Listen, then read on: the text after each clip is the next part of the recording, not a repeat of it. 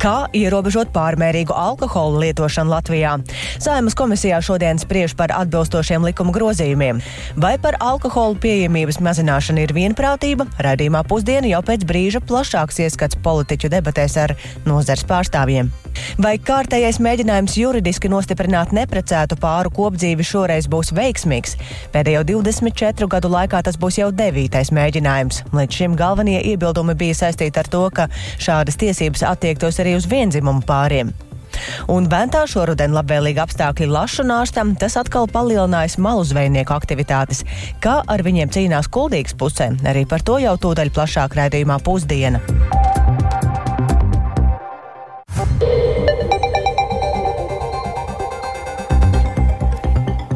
Ir 12,5 minūtes, ganējumu sāk ziņu raidījums pusdiena, un tajā plašāk skaidrosim šīs dienas, 31. oktobra, būtiskos notikumus. Studijā Dāca Pēkšēna. Esiet sveicināti!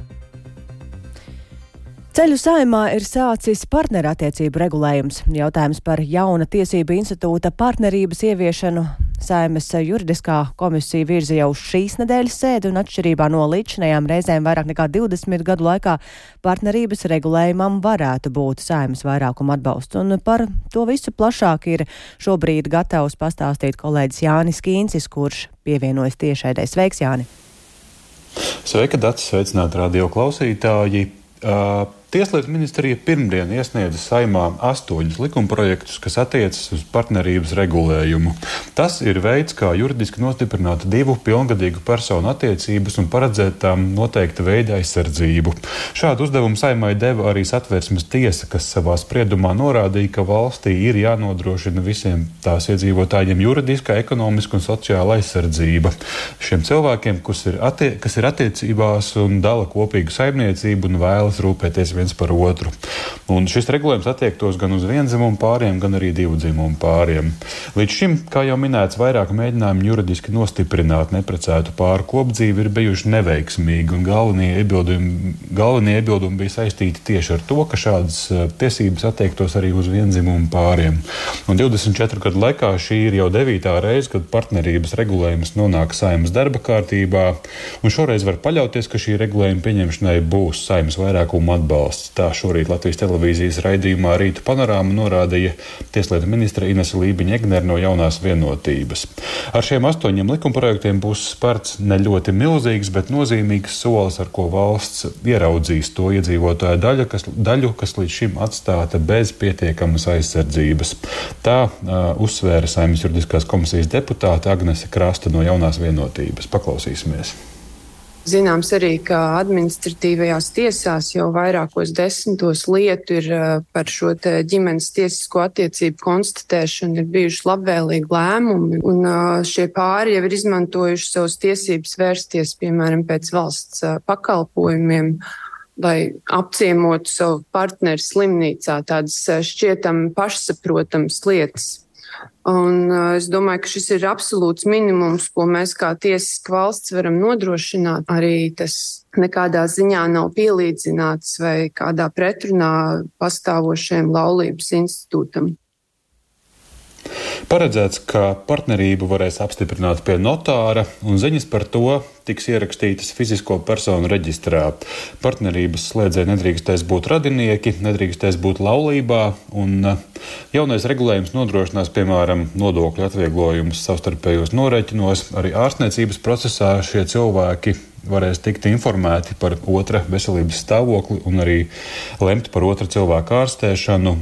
Savukārt partnerības izbeigšana notiktu vai nu pēc abu personu piekrišanas pie notāra, vai arī tiesvedības ceļā civila procesā. Tā to skaidroja Tieslietu ministrijas parlamentārā sekretāra Lauma Paegļa Kalna.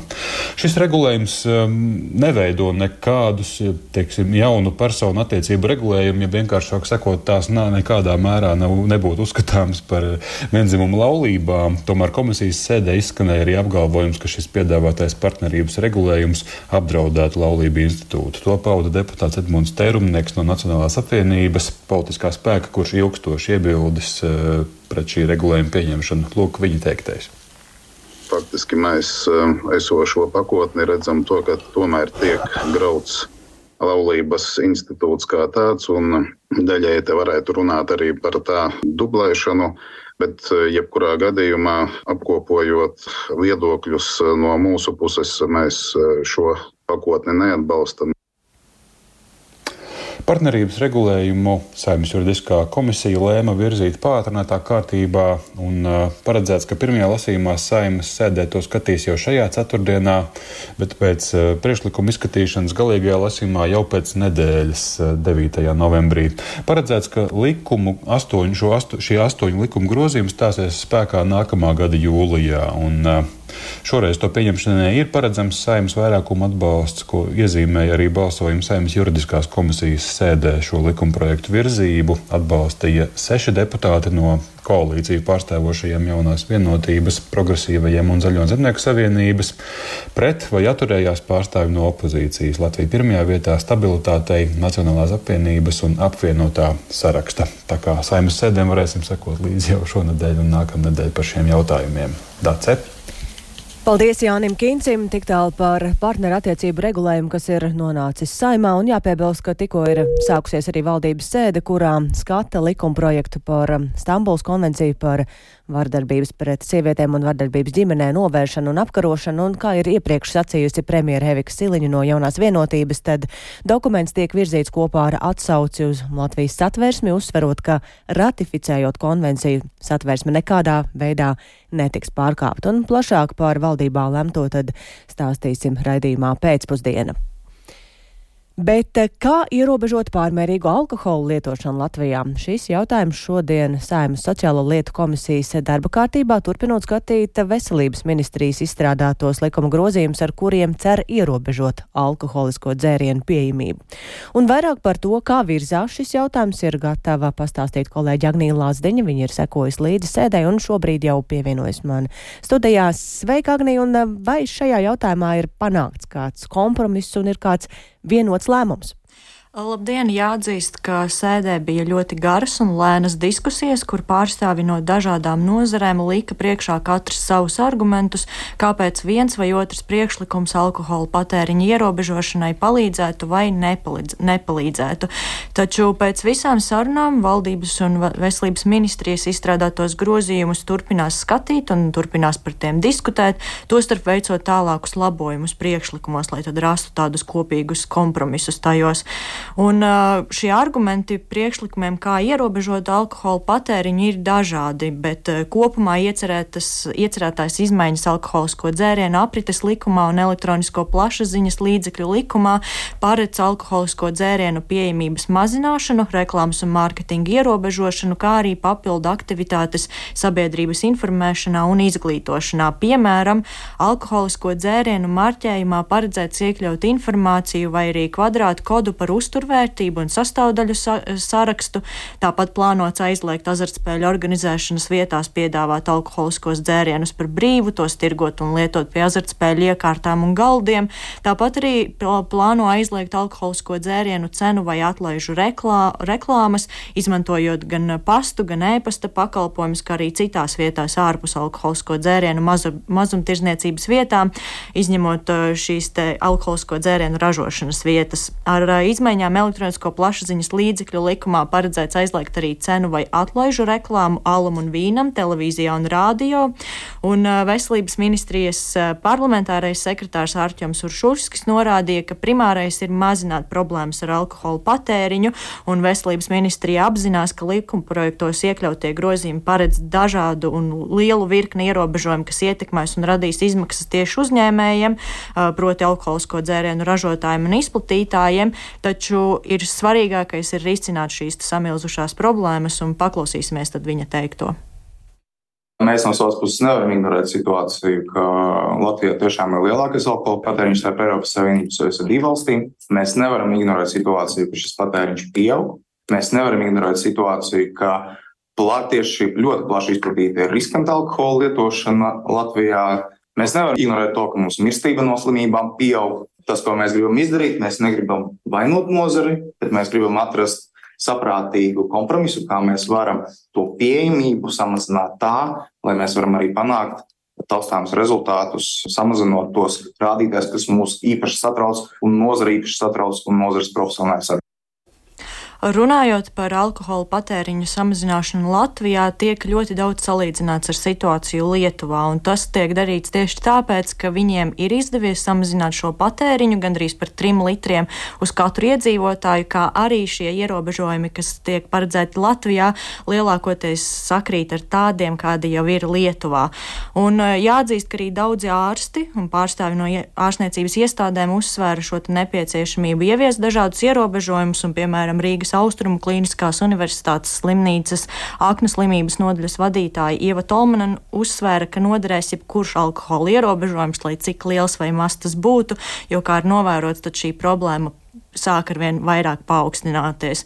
Bet, eh, protams, arī daudz nozares pārstāvji iebilst pret šiem priekšlikumiem un uzsver, ka tajos vajadzētu veikt dažādus labojumus. Piemēram, Latvijas alkohola nozares asociācija uzsvēra par eh, dažāda veida labojumiem, kas būtu jāievieš, un arī viņi uzsvēra, ka daudziem nepiekrīt. Piemēram, asociācijas izpildirektors Dāvis Vītols uzsvēra, ka ir kategoriski pret priekšlikumu liekt alkohola tirzniecību internetā, un paklausīsim viņa sacīto.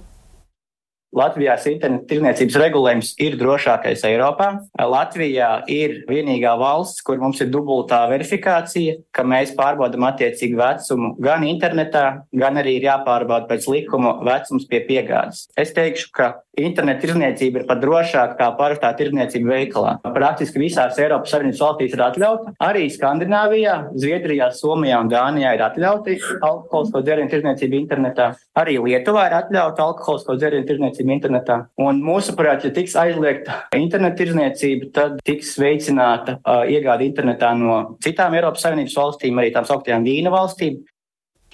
Tāpat arī Vītols norādīja, ka viņam, piemēram, nesot skaidrs, ko ierobežos aizliegums degvielas uzpildes stacijās aizliegt alkoholu. Nu, proti, tirgot alkoholu, jo viņam nesot skaidrs, ar ko tad šīs iestādes atšķiras no parasta veikala. Tāpat viņš arī iebilda pret priekšlikumu ieviestu šīm etiķetēm alkohola sastāvdaļas un kalorijas, jo viņš norādīja, ka to vajadzētu ieviest ne tikai Latvijas līmenī, bet arī visas Eiropas līmenī un ar, par, arī par daudziem citiem. Bet par to, kā tad būs un ko nolems, to tad redzēsim jau tālāk.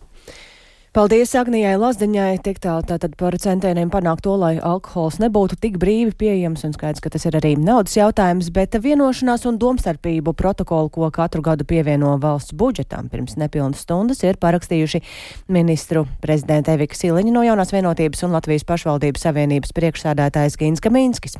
Kā šorīt raidījumā labrīt kolēģim Laurim Zvēniekam atzina Kaminskis, tad joprojām lielākās domstarpības ir par naudas sadali, jo vietvarām naudas, lai lai īstenotu tām uzdotās funkcijas trūkstot īpaši šajā laikā, kad izdevumi pieaug. Paklausīsimies fragmentu no Kamīnska teiktā.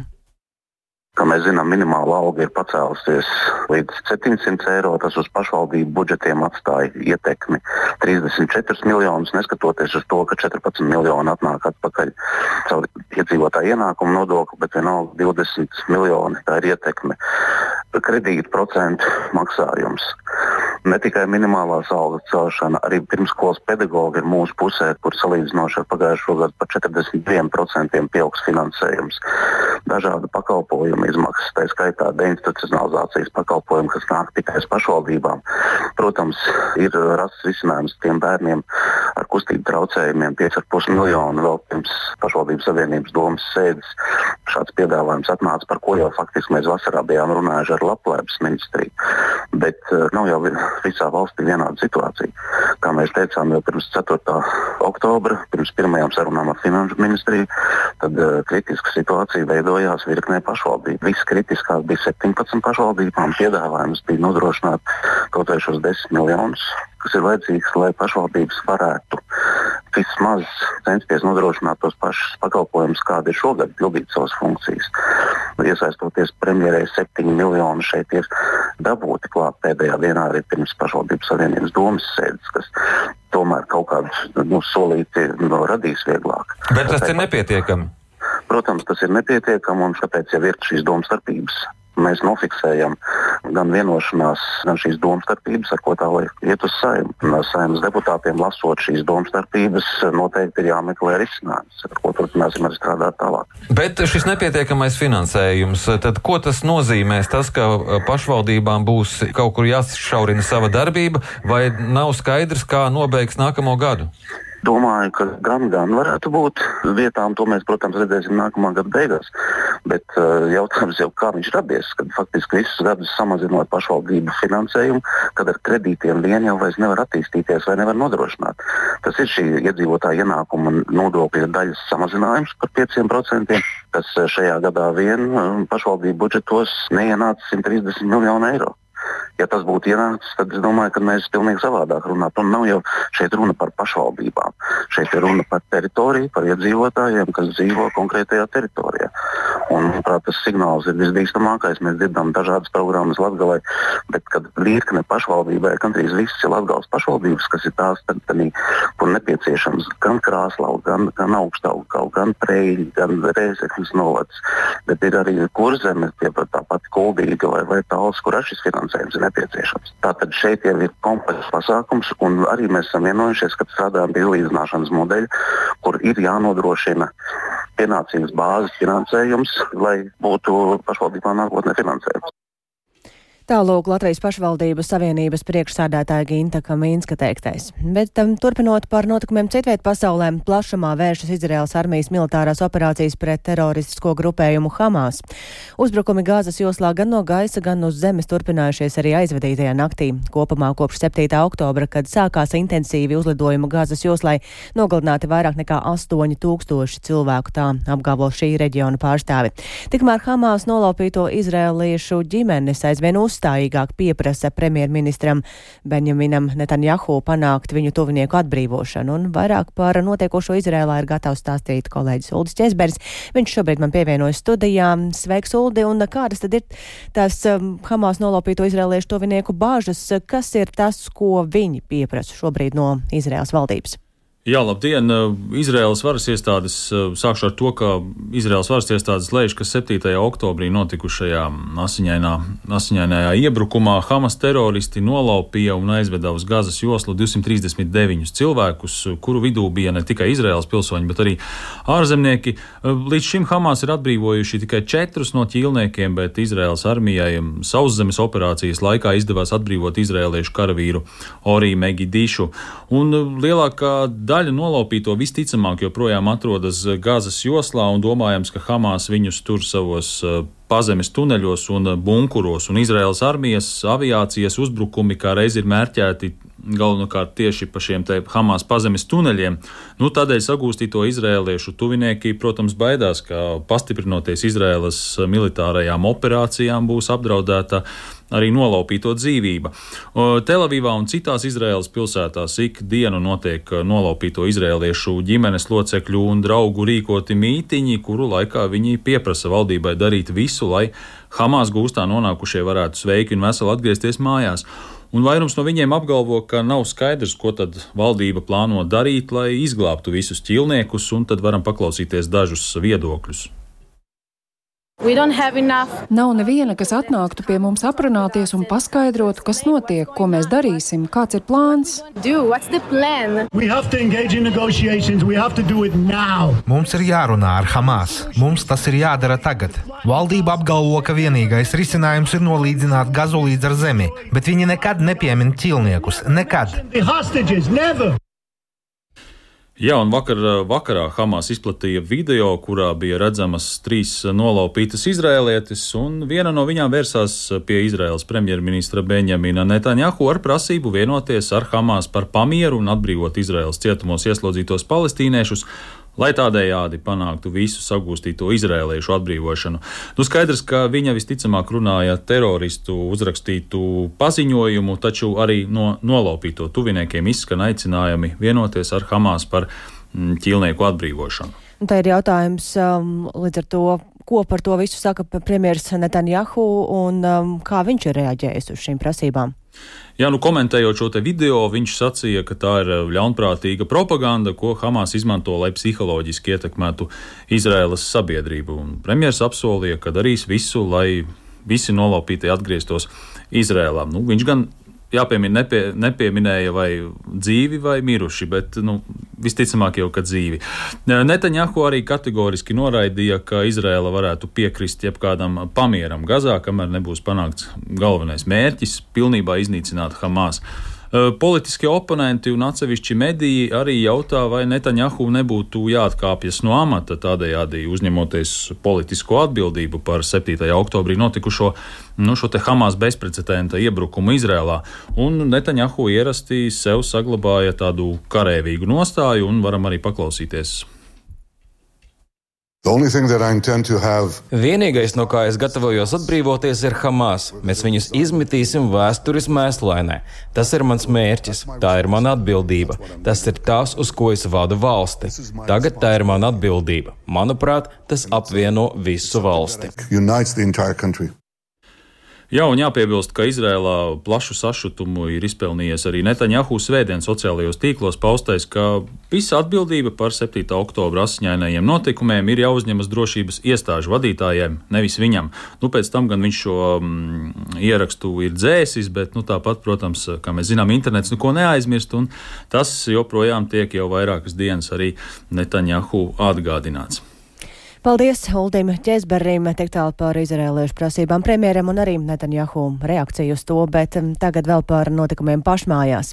Šoruden Ventā ir augsts ūdens līmenis un līdz ar to labvēlīgi apstākļi lašu nārstam, un tas nozīmē, ka nesnauž arī malu zvejnieki. Pašā kuldīgas centrā pie Rumbas gan šī problēma gandrīz izskausta, jo ir um, uzstādīts novērošanas kameras, kuru skaitu vēl papildinās, taču to nevarot teikt par situāciju ārpus pilsētas, kur malu zvejnieki arī ir aprīkoti termokamerām, droniem, ļaujot fiksēt inspektoru tuvošanos, un vairāk par šo tematu Inga Sozolas ierakstā. Nu, man ir video ierakstīts, ko man atsūtīja inspektori, kas tajā brīdī atradās pie vēns un izņēma šo nelegālo mūrdu. Kuldīgas pašvaldības policijas priekšnieks Kaspars Šabāns rāda video ar kādu nelikumīgi ievietotu zvejas rīku, kur noķerti vairāk nekā simts nēģu, kas tiek palaisti atpakaļ upē. Zīvu sargāšana pie rumbas ir ievērojami uzlabojusies, un varētu teikt, ka pateicoties video novērošanai, lašu un nēģu malzveiniecības rūpals pie kuldīgas rumbas ir gandrīz izskausts, saka Kaspars Šabāns. Ja kāds pārkāpējs ir, tad um, tas ir ļoti maz tā zivs jau koncentrējas vairāk tieši pie rumbas. Šogad man ir labs piemērs ar to, ka uh, inspektori redzēja video novērošanas kamerās, kad ieliek iekšā taci rumbā. Aizbraucot uzreiz, jau mēs konstatējam, ka principā uzņemot laiku, cik ilgi stāvēja iekšā tacis, tātad 30 minūtes, bija mazliet vairāk, jau ķeselē bija iegājuši iekšā tik daudz nēģi. Video novērošanas sistēma kuldīgā piesaistot zivju fonda finansējumu, plānots papildināt ar vēl vienu termokameru, jo pie vēntures tiek būvēts skatu tornis, kas jau ir gandrīz pabeigts, stāsta policijas priekšnieks. Līdz ar to mums būtu ļoti labi pārredzama venta vairāk kilometru uz leju. Tas būtu ļoti, ļoti efektīvi mums arī cīņā atkal mazliet zemāk zem runas, kur ir grūtāk piekļūt. Šogad lašu nārstam ir labvēlīgi apstākļi. Straume ir laba un ūdens līmenis augsts, uzsver galvenais valsts vidas dienesta Kurzemes reģionālās vidas pārvaldes zvejas kontrolas daļas galvenais inspektors Jānis Sprugavits. Viņš uzskata, ka video kameru uzstādīšana ir ļoti nozīmīgs palīgs lašu sargāšanas procesā. Bija tāds savulaik formulējums, kā kuldīgi ir mazveinieku galvaspilsēta. Tas tāpēc, ka nekur Latvijā nav tā, ka pilsētas teritorijā ir tik daudz lašu veidīgo un ārstu vietas. Realizēsies šie projekti, ko tagad doma ir ieplānojusi. Tad, principā, visa pilsētas teritorija, kur ir aktīvie lašu nārsti, tiks iekļautajā un uz ekrāna skatām. Ja inspektori ir aprīkoti ar dažādām tehnoloģijām un strādā, tad nesnauž arī mauzvejnieki, stāsta zvejas kontrolas daļas vecākais inspektors Viesturs Cimermans. Tāpat arī mauzvejniekiem ir, ir termokameras, ir tie paši droni, ja, un viss tāpatās kā mēs vaktējam viņus, viņi, viņi vaktē mūsu. Teiksim, tā, mūsu klātesamība jau rāda vairāk teiksim, bailes no tā, ka varētu viņus pieķert. Kuldīgā zivs lido ne tikai pavasarī, bet arī rudenī. Galvenais inspektors Jānis Sprugavits uzsver, ka jāmaina noteikumi par sodu piemērošanu, jo zaudējuma apmērs neatbilst reālai situācijai. Jautājums ir par administratīvo sodu vai kriminālu atbildību. 14. gadā minimāla alga bija 320 eiro. Nu, nākamā gada būs 700. 14. gadā, lai iestātos krimināla atbildība, pietika, ja noķēra trīs lašas, jo tā robeža bija 2,2 lašas, ja mēs tā skaitām.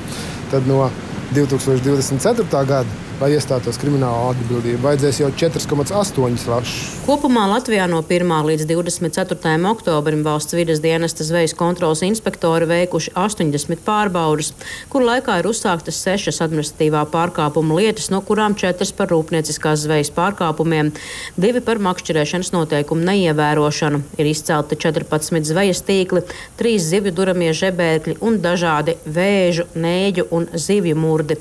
Latvijā lašu un taimiņu iegūs lieguma periods iekšējos ūdeņos ilgst līdz 31. decembrim. Ingozola Latvijas radio kurzmē.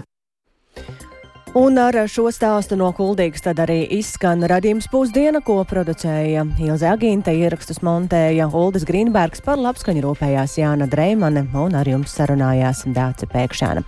Atgādināšu vien to, ka radījums pusdiena ir klausāms arī sevērtā laikā Latvijas radio mobilajā lietotnē, meklējot dienas ziņas, un tāpat arī Latvijas radio ziņām var sekot līdzi sabiedrisko mediju ziņu portālā LSMLV un arī sociālajos tīklos. Uztikšanos rīt! Yeah.